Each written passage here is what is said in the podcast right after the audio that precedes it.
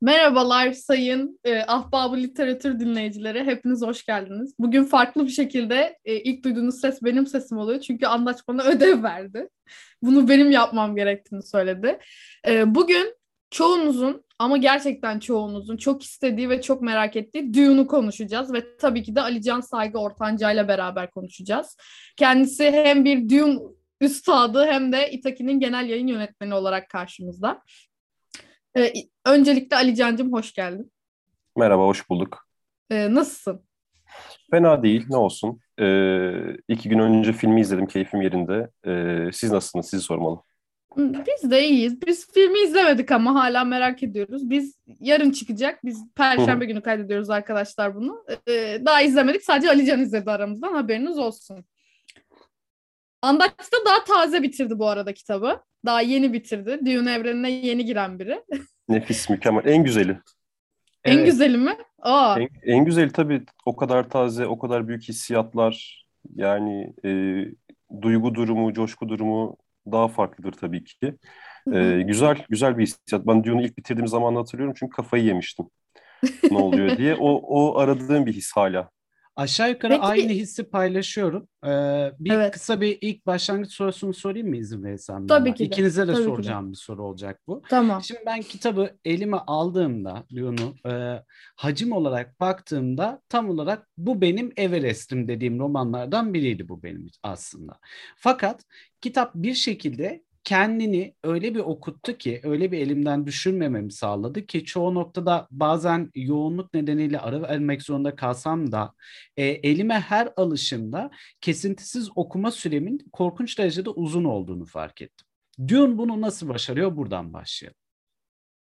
Ali Can'cığım ee, önce sen başlamak ister misin? Yani birkaç fikrim var tabii ki. Şimdi e, Herbert e, bir kere bu konuyu çok iyi anlamış, üzerine çok çalışmış bir insan. Özellikle öykücü olduğu için e, bir e, eserin ritmi nasıl tutturulur, e, çatısı nasıl kurulur, ondan sonra nasıl açıklanır ve nereye vardırılır çok iyi biliyor. E, Dune bu anlamda yazarın da e, ilk defa bu kadar büyük yaptığı, büyük hayaller kurarak giriştiği işi. Haliyle genel olarak bir fikri var. Ama e, bence mesele şurada, e, ilk 100 sayfası için Dune'un zorlu olduğu söylenir ve e, haklar bu şununla alakalı. Bitirdikten sonra döndüğünüzde o kadar zor gelmez. Ama o ilk 100 sayfada öyle bir world building var ki e, yeni karakterler giriyor, yeni kelimeler giriyor, yeni bir dünya anlatılıyor. Orada e, böyle daha gıdım gıdım ilerlenir. Ondan sonrasında hem e, işte karakterlerin nasıl tepkiler vereceğini bilmeniz üzerine hem hikayenin böyle cliffhanger'larla uç eklenmesiyle hem bir anda çok büyük bir şey anlatırken e, bir bir tarafta daha küçük hikayeleri birbirine bağlamasıyla okur ister istemez aktif tutuyor ve şöyle bir tavrı yok Herbert'in. E, yani ben süper bir eser yazdım, dünyanın en iyi eserini yazdım ve okurla arama mesafe kurayım gibi bir tavrı yok. Olabildiğince okurla iç içe bir anlatım var. Bir de bence şu çok önemli bir numara. E, sonrasında George Martin'in de kullandığı bir hikaye. Karakterlerin e, işte italiklerle yazılan kısımlarda aklından geçenleri okuyor olmamız bir şekilde e, bir sürü kavram kargaşasını ya da bir sürü yeni e, paragraf hissiyatını gerekliliğini azaltıyor. Haliyle bir noktada çok uzun olmasına rağmen bir noktada her şeyi çok hızlı aktarıyor ve bu anda anlamıyorsun. Aa ne okumuşum, nasıl okumuşum, nasıl gitmiş diye. E bölümler kısa kısa. Hikaye sürekli ileri doğru gidiyor. Yani exposition'dan asla vazgeçmiyor. Sana ver, vermesi gereken her şeyi veriyor. E, bu yüzden rahat okunan, başta zorlu ama alıştıktan sonra yani gel işte su sıcak merak etme girince alışıyorsun karşılığını tam veren bir eser. Haliyle e, bu ritim sayesinde okur her zaman yakalıyor. Berna? Ee, aslında yani şu anda ilk soracağın soru güzeldi Andaç. Hani benim de soracağım sorulardan biriydi. Çünkü biraz uzun bir eser ve ağır gelebilecek tarzda bir eser. Ee, ama e, şey sormak istiyorum. Şimdi bir bilim kurgu eseri olarak Dune biraz daha fütüristik olması yerine biraz daha eskilerden e, bir e, paternler taşıyor. Şimdi tamamen fütüristik şeyleri yok, ögeleri yok. Öncelikle bunu konuşalım diyorum. Hani e, tamamen e, bilim kurguların en iyisi tarzında değerlendiriliyor ama bir yandan da böyle bir yanı var. Hani bu konuda ne düşünüyorsun? Yani orada e, süper bir numarası var. şeyin e, Herbert'in yaptığı. E, burada işte anlatılan bizim okumaya başladığımız tarih itibariyle bir savaş gerçekleşmiş, büyük bir savaş ve bu savaş e, düşünen makinelerle insanlar arasında gerçekleşmiş ve düşünen makineler bir şekilde insanlara ihanet etmiş. Ve o savaştan sonra e, teknolojinin gelişmesi yasaklanmış. Bu yüzden daha ziyade e, insan duygularına, e, hikayelere, kehanetlere, beynin ta kendisine önem verilmeye başlanmış. Ve bu sayede alternatif bir yol çizilmiş. Yani fütüristiği şöyle kurmuş. Biz teknolojik olarak inanılmaz geliştik ama bu bize kıyametten başka bir şey getirmedi. Ve biz özümüze dönelim. Ee, işte kendi iç gözümüzü kullanarak, geleceğe dair öngörülerimizi kullanarak başka bir şeyler yapalım. Bu yüzden de işte e, işte Bene Gesserit rahibelerine dair e, bir durum var. Mentatlar var ve işte e, Arakis'teki baharatın e, geleceği gördürme e, gücü var. Bunlar üzerinden bir şey anlatarak yani e, ileri gittik, okey ama bu bizi aslında kültürel olarak pek de ileri götürmedi. Biz şimdi daha yavaştan başlıyoruz. Evet süper teknolojilerimiz var. Hayatta kalacak kadar kullanacağız bunları. Ama birbirimizi öldürecek ya da insanlığı yok ettirecek kadar değil. Çünkü bir noktada temelinde Dion'un gerçekten insan faktörü her zaman çok çok kritik bir yer tutuyor. Doğru, doğru. Ee, o zaman ben şeyi sormak istiyorum daha çok. Şimdi bu e, temalardan biri aslında biraz da bu e, teknolojiyle verilen bir savaş gibi temalardan biri. O yüzden temalardan devam etmek istiyorum. Şimdi genel olarak Dune'un temalarına baktığımızda farklı farklı temalar var. Genel olarak bir politika, bir politik e, tema var ama bunun işte dini var, hafızası, doğayı manipüle etmesi vesaire. Bunlardan mesela en çok seni etkileyen, çünkü politika daha çok öne geliyor. En çok seni etkileyen bir tema olduğunu söyleyebilir misin?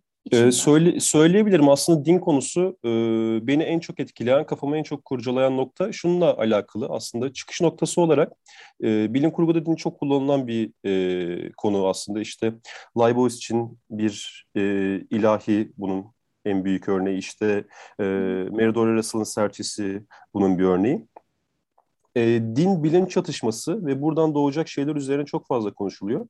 Ama Herbert e, diğer Anglo-Sakson eserlerden farklı olarak daha ziyade Zen Budizmi ve İslamiyet üzerine gidiyor. Ve oradaki bu şeyle ilgili olarak birbirinden bağımsız değil yani teknoloji bitirdi bizi, geri döndük ve içimize bakıyoruz noktasında. O mistisizmi e, eş noktada tutabiliyor bu dinler sayesinde ve e, tabii ki bir beyaz kurtarıcı hikayesi anlatmakla birlikte bunun yeterince anlaşılmazsa neyi ne kadar kötüye gösterebileceğine dair de bir figür oluşturuyor ki ikinci kitap aslında tamamen bunun üzerine kuruldu. Yani birinci kitabın tam antitezi gibi alın siz Tanrı yarattınız kendi elinizle ve bir adama çok fazla güç verirseniz bakın ne oluyor gösteriyor. Haliyle klasik bir beyaz kurtarıcı anlatısı değil. Biraz daha oryantalist, biraz daha mistik. Ee, akıl ve e, duygu arasında bir geçiş bulmaya çalışan ve bunu da bir noktada din üzerinden ya da karizmatik lider üzerinden yapan e, bir hikayesi var. O yüzden o her zaman çok daha enteresan geliyor onunla ilgili. Din olayı. Okey. Peki Andaç sen yeni okuyan biri olarak e, böyle en çok etkilendiğin tema gibisinden. Din kadar dinden bu kadar etkilendin mi mesela Alican kadar? Hakikaten çok etkilendim ya. Yani hani e, özellikle e, Alican'ın bahsettiği bu e, İslamiyet e, ve e, doğuya yakınlık aslında öyle de özetleyebiliriz belki. Bilmiyorum e, hatam varsa düzeltin beni ama E, biraz daha din konusunda doğuya, Orta Doğu'ya dönmüş olması eserin ve e, bir bilim kurgu eserinden yani daha doğrusu benim bildiğim kadarıyla bir bilim kurgu eserinden e, beklemeyeceğim derecede incelikli örmüş olması orayı e, beni çok etkilemişti yani etkiledi yani kitap boyunca. Çok güzel bir yolculuktu o yüzden. Hani en çok dikkatimi çeken şeylerden biri kitapla ilgili. Birincisi e, mükemmel derecede e, bir anlatıyı başından sonuna gerçekten ilmek ilmek ördüğünü hissettim. E, ikincisi de e, belki de en önemlisi gerçekten benim için bu din olgusunu e, öykünün orta yerinde mükemmel bir şekilde yaşatıyor aslında insana. Hani şahit olmanızı, her şeye şahit olmanızı sağlıyor o tema ile ilgili. E, çok ilgimi çekmişti o yüzden. Başından sonuna kadar çok böyle şey okudum. E, soluksuz okudum diyebileceğim bir yönüydü dinle ilgili kısmı. Devam Berna. Sorular güzel geliyor. güzel güzel. Ben sevdim ahbap literatürü sana. Şu an bir yerde patronum, bir yerde bana ödev veren podcast partnerim var. Gerçekten çok gerildim yani. Ee, tamam devam ediyoruz o zaman. Şimdi Dune'u ben düşündüğüm zaman ilk önce aklıma gelen şeylerden biri çok sembolik olması. Yani e, bir şeylere referansların çok fazla yoğun olması. Öncelikle ne tür Dune'u düşündüğünüzde aklınıza ilk gelen referansın ya da sembolizmin ne olduğunu sorayım. Ondan sonra devam edelim. Her ikinize de.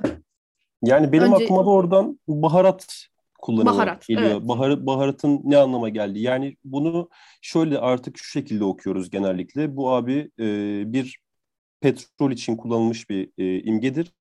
E, Orta Doğu'dan çıkıyor zaten Fremenler de Araplardır ve Batı dünyası hı hı. bunu ele geçirmek için her şeyi yapar.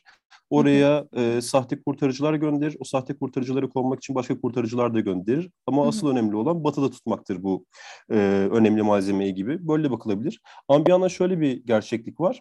E, Dune'un yazıldığı dönemde yani işte 1965'te yayınlandı, 60-65 arasında yazdığında Herbert. E, tam işte şey hikayesi, uyuşturucuların çok patladığı, evet. e, yani özellikle üniversite öğrencileri arasında çok yaygın olduğu çiçek çocukların e, popüler bir sürece girdiği bir vakit. Haliyle e, oradaki uyuşturucu çağrışımı da e, bundan bağımsız değil. Tabii ki istediğimiz gibi okuyabiliriz, istediğimiz şekilde okuyabiliriz. Ama e, baharat tek bir şey değil. Bir, yani orada tabii ki tek bir şey ama bir yandan da her şey anlamına geliyor. Çünkü hem geleceği gördürüyor e, hem e, uzayda çok hızlı yolculuk yapmayı sağlatıyor. Hem e, en değerli şey bir yandan Arakis'i işte e, imparatorluk e, terraform etmek isterken, dünyalaştırmak isterken baharatı keşfettiği için bırakın çöl kalsın. E, biz bunu sonsuza kadar e, sömüreceğiz diyor. Haliyle altın da olabilir bu. Yani en değerli şey neyse baharat aslında onun ta, ta kendisi ve Dune'da evet. tam böyle bir kesişim noktasında kalıyor. Doğru. Andatçım. Peki senden alalım. Çok güzel. Ben de buradaydım aslında. Baharat konusu e, yani hani ben sen bana bunu sorduğunda ilk aklıma gelen şey bu oldu. E, baharat oldu ve Ali Can'dan da böyle şeyi alınca Berna e, daha da detaylı benim daha da görmediğim e, kısımdan bakmasını bakmamı sağlayınca çok daha net taşlar yerine oturdu ve kesinlikle şöyle yaptı yani. Şurada bir şunu sezdim yani. Çok çok iyi oldu o. E, benim ama e, bunun dışında bir sorun var. Hı. Şimdi bir okur olarak ben evet geç kalmış sayabilirim kendimi Dune'a. Ee, ancak şunu merak ediyorum. 60'tan itibaren, e, 60'lardan itibaren Dune'un e, serüveni okur nezdinde serüveni nasıl olmuş? Ee, yani hani biz şimdi 2020'de 2021'de bunu konuşmaya devam ediyoruz. Epey de uzun bir zamandan bahsediyoruz. 70 yıl, 60-70 yıl neredeyse. Ee, bu süreç okur nezdinde nasıl gerçekleşmiş? Düğünü ilk çıktığı dönemden bugüne baktığımızda şöyle yukarıya doğru bir gidişim var mesela popülerliğinin ya da çıktığı zamanda da popüler bir bilim kurgu eseri olmaya e, olma şansına erişmiş mi? Ee, evet yani Dune çıktığında e, bu yurt dışında instant klasik dedikleri yani çıkar çıkmaz geleceğe kalacağına dair kanı geliştirilen kitaplardan biri. Bu arada yani Dune'un yayınlanması çok zor oluyor. Herbert yayıncı bulamıyor. 20 tane yayıncı reddediyor. Ve bu sırada e, hiç bilinmedik biri değil Herbert. Yani bilim kurgu öyküleri yazıyor ama daha çok palpa yakın öyküler yazıyor fantastik polisiye öyküleri de var ama daha çok bilim kurgu yazıyor. Ve e, yayınlayan yayıncısı hiç edebiyat eseri yayınlamamış bir yer. Daha çok otomobil aksamları üzerine e, kitaplar basan alakasız bir yer. Ve e, kitabı aldığında diyor ki bu kitap beni batıracak. Ben yanlış bir karar verdim ama yapacak bir şey yok. Frank beni ikna etti bu işe gireceğiz diye ve tabii ki tam tersi oluyor. İşler çok acayip bir yere evriliyor. E, o sene işte Hugo ödülünü alıyor ve ilk defa verilen e, Nebula ödülünü e, kazanıyor. Ve e, tam aslında şeyin kesişim noktasında. Altın çağ bilim kurgusuyla yeni çağ yeni dalga bilim kurgusunun kesişim noktasında işte e, Philip K. Dick'lerin, Ursula Le Guin'lerin geldiği dönemde ki bunlar biraz daha sosyal bilim kurgu üzerine kafa yorarlar. Ama işte uyuşturucu konsepti dediğim konsepti daha fazla işlenir bunlarda. Tam o arada geliyor ikisini hem uzay operası olarak anlatabilen hem de bu simgesel sembolik kısımları anlatabilen bir e, durum var. Ondan sonra zaten devam kitaplarını yazıyor Herbert ve zannediyorum ki üçüncü kitap e, New York Times bestseller listesine giriyor. E, ve e, New York Times bestseller listesine giren ilk bilim kurgu eseri e, olabilir serinin üçüncü kitabı. Gerçekten çok satıyor ve 2000'lerin başında artık şey söyleniyor. Dünyanın en çok satan bilim kurgu e, eseri e, Dune'dur diye ki e, Herbert öldükten sonra oğlu Brian Herbert ve yazar Kevin J. Anderson e, devam ediyorlar bir şekilde ve onlar da bir üçlemeyle bu işe giriyorlar. Böyle bir sözleşmeyle giriyorlar. Ve onların çıkardığı ondan sonra her kitap bestseller listesine giriyor. E, haliyle hiç şey gibi bir durum yok. Dune unutuldu, kayboldu, sonra tekrar hatırlandı ve hortladı gibi bir durum yok. Ki zaten bir David Lynch filmi var. Ondan sonra bir BBC dizisi var. Sonra bir tane daha Children of Dune diye BBC dizisi var. Devam ediyor ve şimdi e, yeni Villeneuve'in filmi var ki HBO bir tane daha dizi yapıyor. E, Sisterhood of Dune diye bencezellikleri anlatan. Yani Dune her zaman popülerdi. Uyarlanması zordu, anlaşılması zordu, okuması zordu belki. Ama artık e, alt kültür dediğimiz şey bilim kurgu, fantastik, korku, çizgi roman. Zamanda alt kültür olarak görünen şey şu an popüler kültür olduğu için o da yolunu daha rahat buluyor diyebilirim. O bir zaman sorun ben... daha var. İzin tamam, verirsen. tamam. Ee, bir tamam. sorum daha var. Peki e, bu kadar aslında büyük bir hay- yani hayranlarının sıkı sıkıya bağlı olduğu bir eserden bahsediyoruz ya. Bir yandan bu hayranlığın aslında çok büyük bir korumacılık da içermesi e, söz konusu. Yani hani e, ben hayranı olduğum bir şeyi kolay kolay X bir yönetmenin eline teslim etmeye çekinirim muhtemelen. Fakat Dune'un kendi e, hayranları da bir yandan sinemaya çok da ya da e, diziye e, çoğunlukla sinemaya sinemaya gerçekten şöyle eli yüzü düzgün bir şekilde düğün uyarlamasının yapılmasını uzun bir süredir de bekliyor bir yandan. Evet.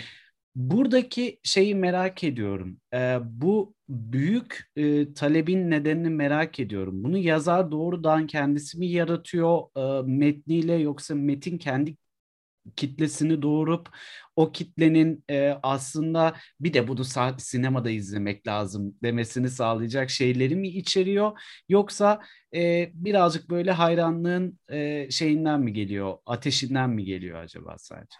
Ee, yani benim fikrim şu aslında e, şimdi şey çok söyleniyor Dune işte e, Star Wars'a ilham verdi Dune işte Herbert en azından Game of Thrones'a ilham verdiği gibi gibi ve bunlar bir şekilde e, güzel uyan, uyarlandılar. E, karşılıklarını buldu e, ekranda veya e, sinemada. E, Dune'un bu kadar, özellikle şu an için bu kadar beklenmesinin sebebi bence arada geçen hayal kırıklıkları. Eğer onlar gerçekleşebilseydi, hakkı verilebilseydi bu noktaya gelinmeyecekti. Yani e, David Lynch'in filmi ki e, David Lynch ilk çıktığında filmi reddediyor. E, ilk sinemaya girdiğinde, gösterime girdiğinde kendi adını yazdırmıyor filme, afişlere falan. Sonradan bu iş biraz daha düzeltiliyor. Böyle bir durum var. E, Hodorowski'nin bir Dune hayali var. Bir şey yapmak istiyor oradan ve o gerçekleşemiyor. E, ki bence hayal olarak çok daha güzel. Çünkü Dune'u gereğinden fazla değiştirdiğini düşünüyorum. Ben ruhunu kaybettiğini düşünüyorum. Ama süper bir fikir, süper bir proje. Hakkını yemeyeyim.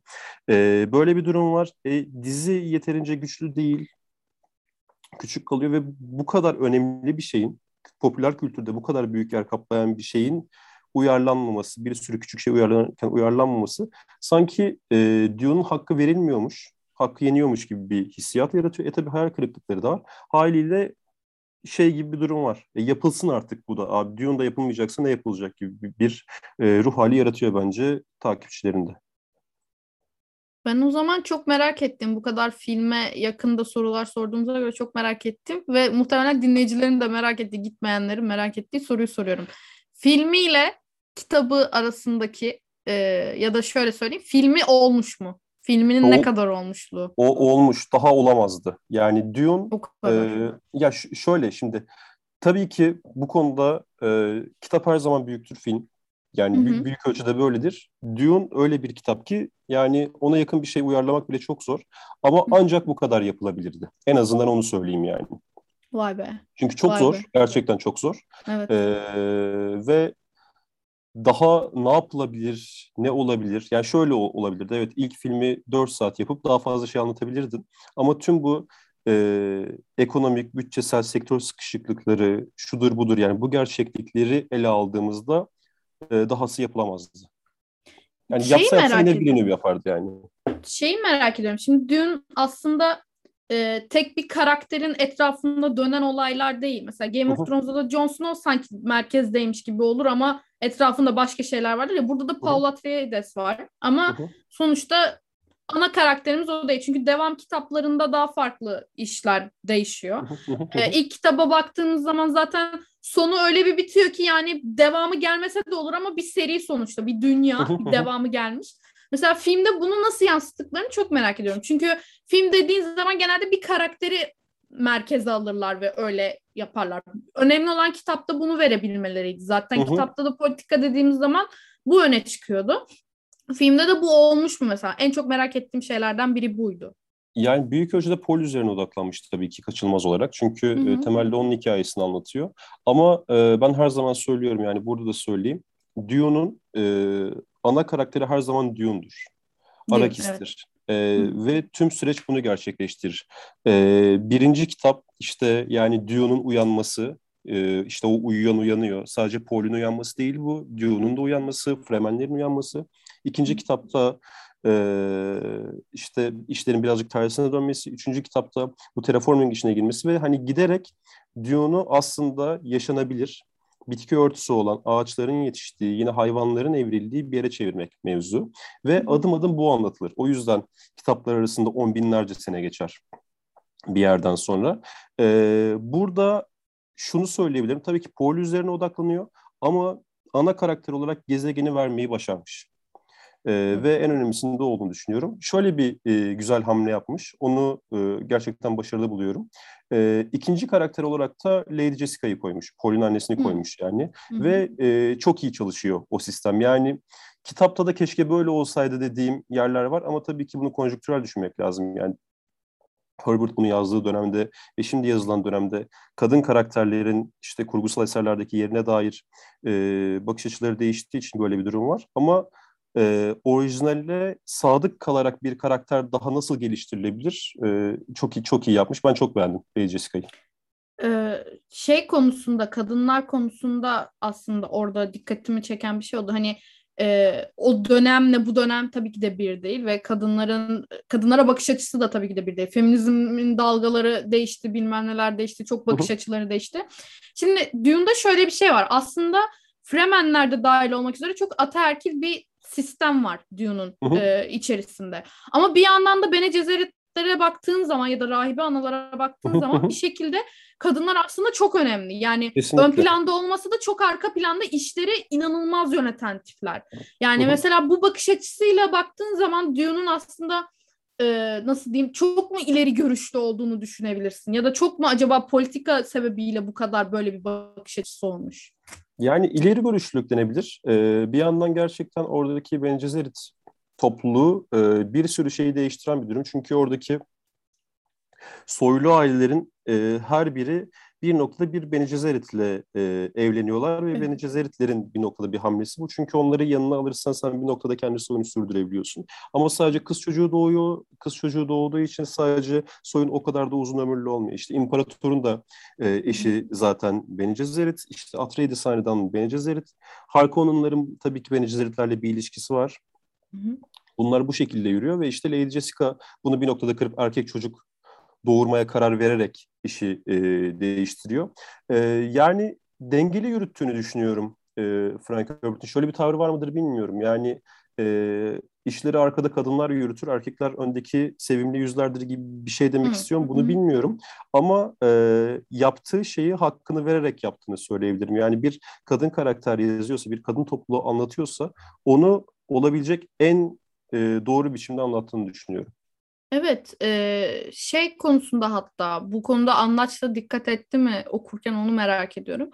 E, şey de söyledin yani erkek çocuk doğurmaya karar veriyor. Ve Evet. kitapta da böyle bir aslında güçleri var. Bene Gesseritlerin e, inanılmaz bir şekilde kendilerini eğitiyorlar, e, Hı hı. terbiye ediyorlar ve doğuracakları çocuklara kadar karar verme e, yetileri olduğunu anlıyoruz tabii ki de. Mesela an, anlaç sen ilk okurken bunu bu kadar hani dikkat etmiş miydin? Hani ikinci Yok. kere okumaktan bahsetmişti ya çünkü Alican. Evet bu kadar bu kadar net bir şekilde şey yapmadım. Fark etmemiştim bunu. Şimdi siz söyleyince jeton düştü noktasına geldim yani gerçekten. Hı-hı. Ha falan gibi yani. Yani mesela bu bir aslında çok e, nasıl diyeyim gerçekten klas bir hareket. Çünkü kolay bir şey değil bence bunu verebilmek. Yani e, hem göze sokmadan hem göze parmak olmadan ama bir yandan da çok güçlü bunlar bak hani demek ve bunu bu şekilde anlatabilmek bence bir e, klas hareket diye düşünüyorum. Yani Frank Herbert'ın kendi dili ve alegorisi en azından yaptığı şeyler sembolizmi referansları derken zaten bir şekilde gidiyor. Şimdi e, şey sormak istiyorum ben bir de Alican sana. Bu e, nasıl diyeyim hanedanlar. Bu hanedanların e, bir şeyin alegorisi, bir şeyin sembolizmi, bir şeyin referansı olduğunu düşünenler var. Mesela işte Atreides'ler şudur, Harkonnenlar şudur gibisinden. Bunda hani bir e, detay verebilir misin? Ve amaç nedir mesela bunu açıklayabilir misin kendince? Yani bütün özellikle spekülatif kurgu eserlerinde e, bir alegori olduğu her zaman söyleniyor. Yani Yüzüklerin Efendisi için en çok söyleniyor. Tolkien bunu reddediyor. E, alegorimin o neymiş gibi bir Hı-hı. tavırda söylüyor. Aksine mesela C.S. Lewis bunu e, kucaklayarak diyor ki aslan işte e, İsa peygamberdir. İşte e, öldü geri getirdim gibi şeyler yapıyor. Dune içinde bu söylenebilir. E, hatta buna dair izler de bulunabilir. İşte Harkonnen'ın e, isminin daha böyle e, Alman gibi tınlaması, karakterin Hı. isminin Vladimir olması, bir Rus ismi olması ama evet. diğer tarafta işte e, Atreides'lere daha Anglo-Sakson isimler verilmesi, Polly gibi, Jessica gibi isimleri olması Hı-hı. bunların.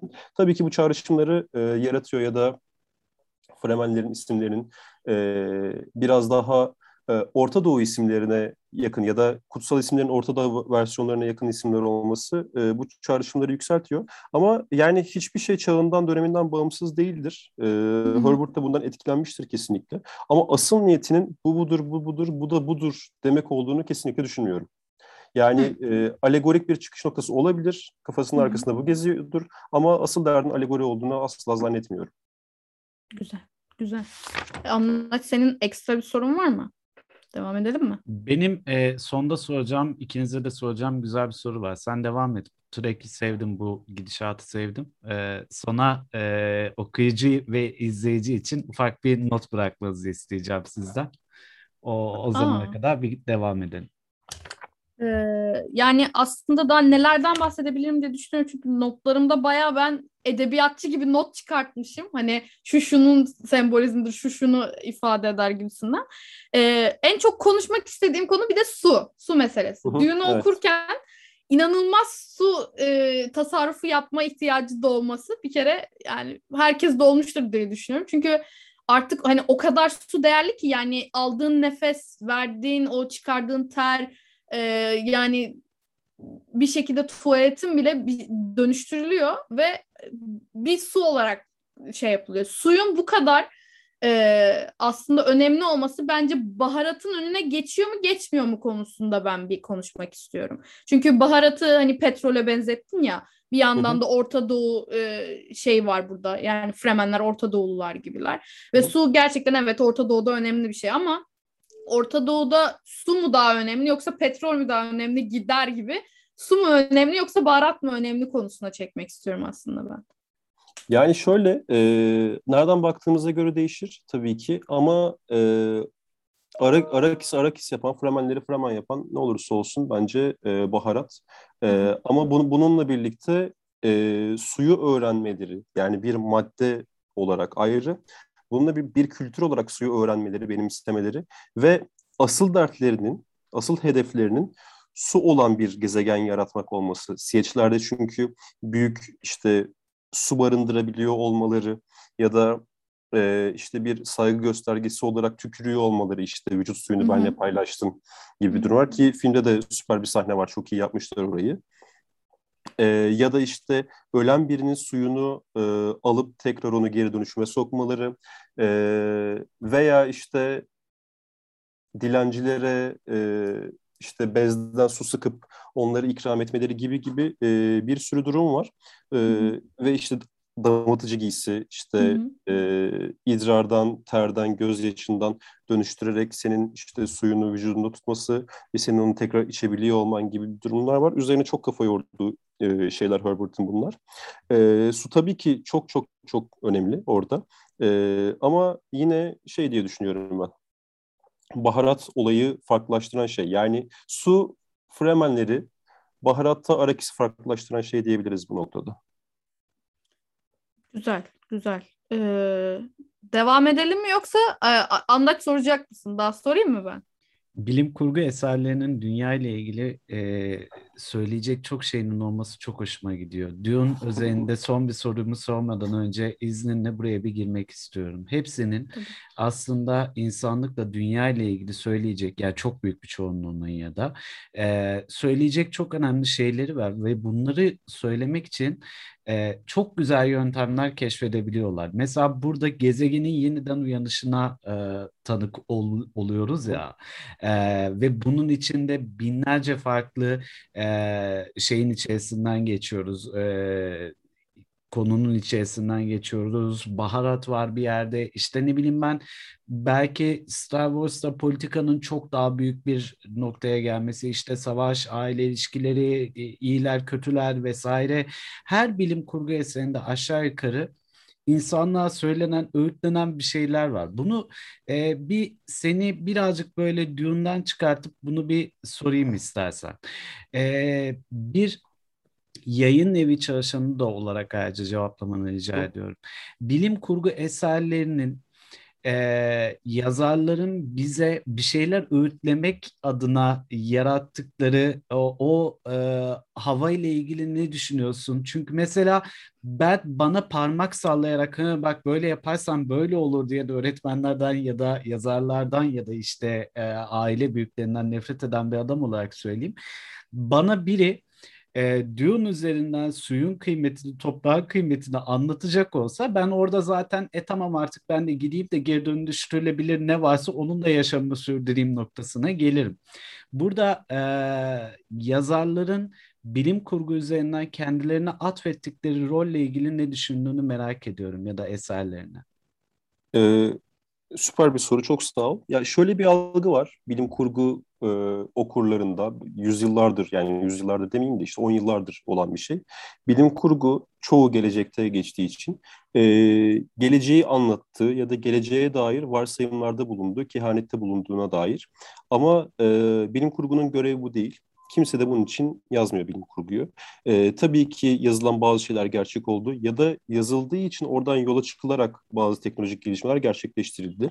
Ama e, bilim kurgunun asıl derdi bugün ne?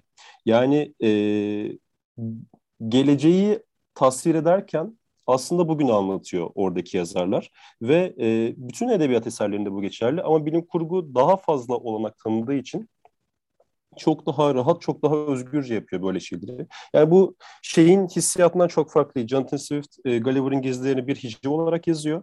E, ve diğer işte oradaki hayali ülkelere giderken aslında yapmak istediği şey o dönemki İngiliz bürokrasisini eleştirmek. Çünkü doğrudan İngiliz bürokrasisini eleştirebilecek durumda güçte değil. E, bu noktada tabii ki e, yazarlar şu anki e, politik durumu, e, ya da ekonomik durumu eleştirebilirler. Ama böyle yapmaktansa kendi dünyalarını yaratıp oradaki düzen içerisinden bunu anlatmayı tercih ediyorlar. Ve bilim kurgu buna çok büyük bir olanak sağlıyor. Yani e, bunu hiciv olarak da yazabilirsin tabii ki, alegorik olarak da yazabilirsin ya da bir parodi de yapabilirsin. E, ama ciddi, dört başı mamur bir bilim kurgu eseri yazıp ayrıca ben meramımı anlatacağım, bugüne dair dertlerimi anlatacağım diyorsa bunu yapmaman için hiçbir engel yok önünde. Ee, bunu işte ütopya yazarak yapabilirsin. Dersin ki biz iyi gidersek buraya evrilebiliriz. Distopya yazarak yapabilirsin. Dersin ki biz böyle gidersek böyle olacak. Yani distopyanın bir uyarı olduğunu varsayarak. Ee, ya da biz abi bunun içine girdik ve şu an bunu yaşıyoruz. Silkelerin demek için. Ee, ya da işte cinsiyet rolleri üzerine bir şey yazarsın. Daha geleceğe dair bir laf söylemiş olursun. Yani bu birazcık şey gibi.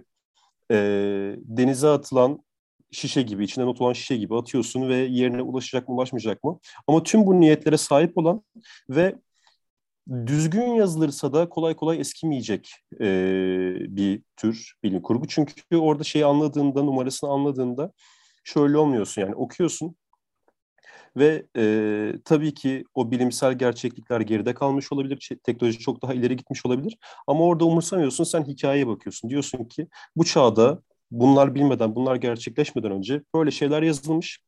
E, teknoloji tarihi farklı ilerlemiş olabilir ama insanlık ve kültür tarihi çok fazla uzağa düşmüyor. Haliyle buradan ders alarak, e, buradan bir şeyler kaparak e, sen kendine bunu çıkarabilirsin. Ha böyle bir şey yapmak zorunda değil tabii ki. Bir macera olarak da keyif alarak ne kadar güzel farklı bir dünya diyerek de okuyabilirsin yani. Bu kadar üzerine e, amaç yüklemek gerekiyor mu? Yani gerekmediği zamanlarda oluyor. Yani evet burada bir misyonu olup olmadığı tartışılır tabii ki. Bilim kurgunun hiçbir zaman aman insanlığı daha iyiye götüreyim ama aman kötü başına bir şey kötü bir şey gelecekse ondan haberdar edeyim diye bir misyon olmasına gerek yok. Ama sanki yazarlar bir tık böyle e, o evrenleri oluştururken sanki bir tık da o mesajları da bir yerlere yerleştirme çabası gidiyor ya da gerçek hayattan zaten yeterince de kopamadıkları için içlerindeki kaygıyla da birazcık belki de e, bunu böyle oluşturuyorlar bilmiyorum. Yani yeni bir dünya yaratmak hazır dünyayı kullanmaktan çok fa- daha fazla emek gerektiriyor e, bir tabii. sürü konuda.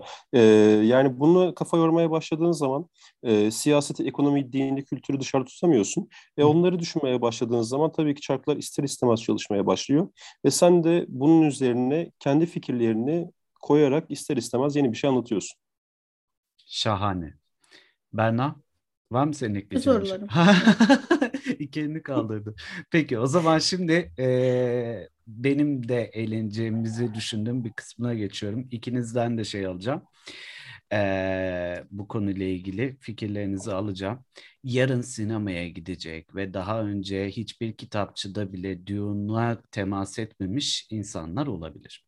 Bir arkadaş vasıtasıyla da olabilir bu. E, flörtü içinde olabilir. Herhangi bir nedenle olabilir e, bu insanlar e, henüz sinemaya gitmesine de saatler varken Dune hakkında neleri bilmeliler ki sıfır bilgiyle de gitmiyor olsunlar. Kendi içlerinde Dune hakkında kendilerini rahat hissedebilsinler. Çünkü birazcık göz korkutucu görünüyor olabilir başlangıçta.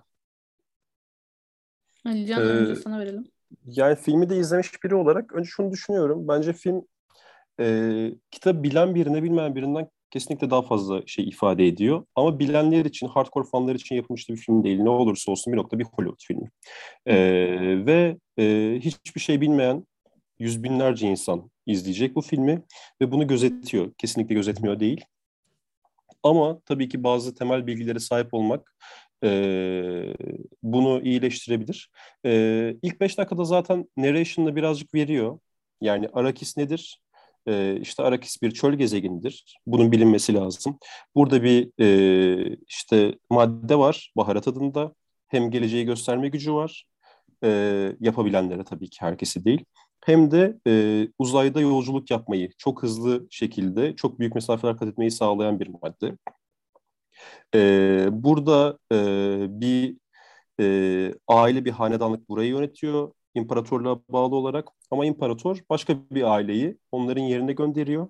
E, buradaki asıl niyeti de e, dengeleri değiştirip bu iki hanedanlı iç savaşı sürükleyerek kendi yerini sağlamlaştırmak. Temelde fikri bu. Yani bunları bilmek bir noktada gerekli bilgiyi veriyor. Gezegende kum solucanları var. E, bu kum solucanları e, en önemli figürlerden biri. E, orada e, çöl insanları, çöl halkı olarak, olarak diyeceğimiz Fremen halkı var. E, onlar e, düğüm noktası, asıl macera onlarla başlıyor. E, ve e, iki hanedanlık arasındaki farkı yaratan da onlara dair yaklaşımları zaten. E, bunun dışında bir de Bencizerit rahibeleri var. Bunların belli başlı güçleri var. E, ama bunların asıl niyetleri bütün imparatorluktan farklı olarak bir kurtarıcı yaratmak, bir mesih yaratmak, seçilmiş kişi yaratmak ve bu yüzden e, yüzyıllardır hatta bin yıllardır toplum mühendisliği yapıyorlar. Ve artık bunun son halkalarından birindeyiz ama birinde miyiz gibi bir durum var. Yanlış bir karar mı verilmiş, e, yanlış bir kurtarıcı mı seçilmiş gibi bir e, durum var. Bunun dışında e, hikaye kendi kendini tamamlıyor zaten. Şahane. Berna senin tarafta ne var bununla ilgili? Berna benim Ee, bu sorularımı hiç sevmiyor bu arada Alican biliyor musun? Hayır çok seviyorum ama bir anda aklıma gelmiyor çünkü hazırlıksız yakalanıyorum. Yani e, Ben ne ne- yapayım hiçbir fikrim yok. Sağlı sollu bombalıyorsunuz. Mükemmeldi ama. Evet evet ama sen kotarıyorsun. Ben ben Gerçekten. daha çömezim bu konuda. Ee, ne diyebilirim? Yani genel olarak mesela birinin ben edebi açıdan baktığım zaman yani kitap hani kitabı okuyacağım. Sence nasıl e, başlamalıyım? Neler Heh, bilmeliyim güzel ya da bak burada burası güzel. Buradan devam et. bu açıdan sorduğu zaman birine öncelikle şey söylerim. Evet uzun olduğunu kabul ediyorum. Biraz ağır gelebilir ama korkmana gerek yok. Okudukça açılan e, bir eser. Çünkü e, Ali Can'ın da söylediği gibi ilk 100-150 sayfa civarında birazcık e, ortama alışma, suya ısınma muhabbeti var. Ondan sonra zaten kendi kendine sürüklüyor seni. Aynı Andaç'ın dediği gibi. Ee, şöyle bir şey var. Bir kere politikayı çokça içeriyor. Ee, aynı zamanda ekolojiyle ilgili e, birçok e, unsuru var. Ancak bunları e, nasıl diyeyim harmanladığın zaman ortaya daha farklı bir şey çıkıyor. Yani bir alegorik de bir eser var ama bir yandan da alegorik de değil gibi. Ee, bir yandan tamamen ilk kitabın ilk kitabı açısından konuşuyorum. Hikaye bitmiş bir şekilde bir kitabı okuyorsun sen. Yani hikayenin devamı bak devam kitabında gelecek tarzında olmasa da olur gibisinden bir hikaye. Çünkü tamamlanmış bir hikaye var. Ondan sonrakileri artık sen üzerine eklemek istiyorum. Ben bunu daha da geliştirmek istiyorum. Merak ettim bu dünyayı gibisinden bir kitap diyorum. Ee, bilim kurgu eseri olarak eğer okuma yapan biriyseniz yani edebi okuma biraz daha akademik açıdan okuma yapan biriyseniz kesinlikle bilim kurgunun en üst noktalarından biri olarak değerlendirilebilecek bir kitap. Zaten bana kimsenin de karşı çıkacağını zannetmiyorum çünkü inanılmaz bir eser. Her bir satır arasını kontrol etmeye başladığında inanılmaz şeyler çıkıyor. Yani Frank Herbert bunları düşünmüş ve bunları yazmış. Vay anasını falan oluyorsun. O yüzden göz korkutsa da kesinlikle okunması gereken bir kitap olduğunu düşündüğüm bir eser. Ha, ama evet genel olarak bir çöl gezegeni var. Bunun içerisinde dönen politika olayları var vesaire vesaire. Bir Mesih bekleniyor. Bu Mesih'in hikayesi biraz da işleniyor.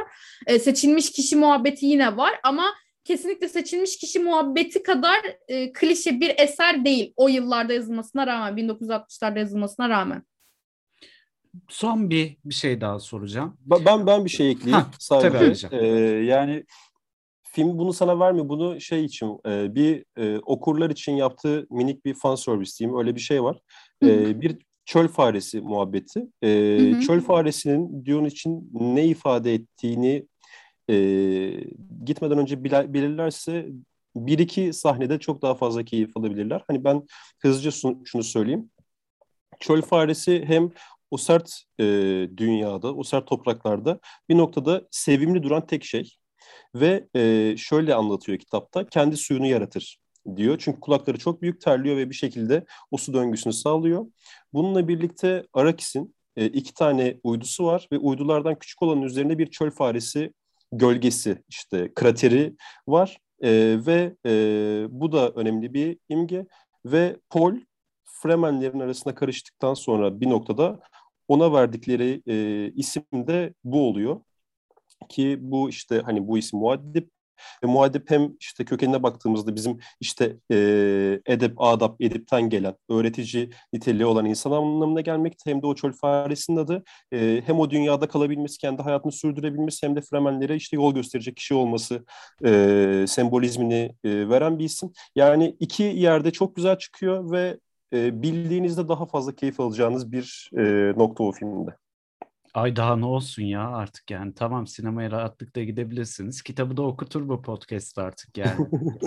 Ya bir zahmet okuyun. Ben okumayanları dinlediğini düşünmüyorum bu arada. Yani spoiler yeriz korkusuyla okumay dinlemeyeceklerini düşünüyorum Yok, ben ama. başlığa yazarım spoilersız diye. Spoiler vermedik. hakikaten vermedik yani. Evet, evet, Sadece yok, yani bilgiyle birazcık böyle Evet, keyif bilgi. arttırabilecek bir şeyler verdiğimizi Evet. düşünüyorum. Kendimi din- dizginliyorum burada.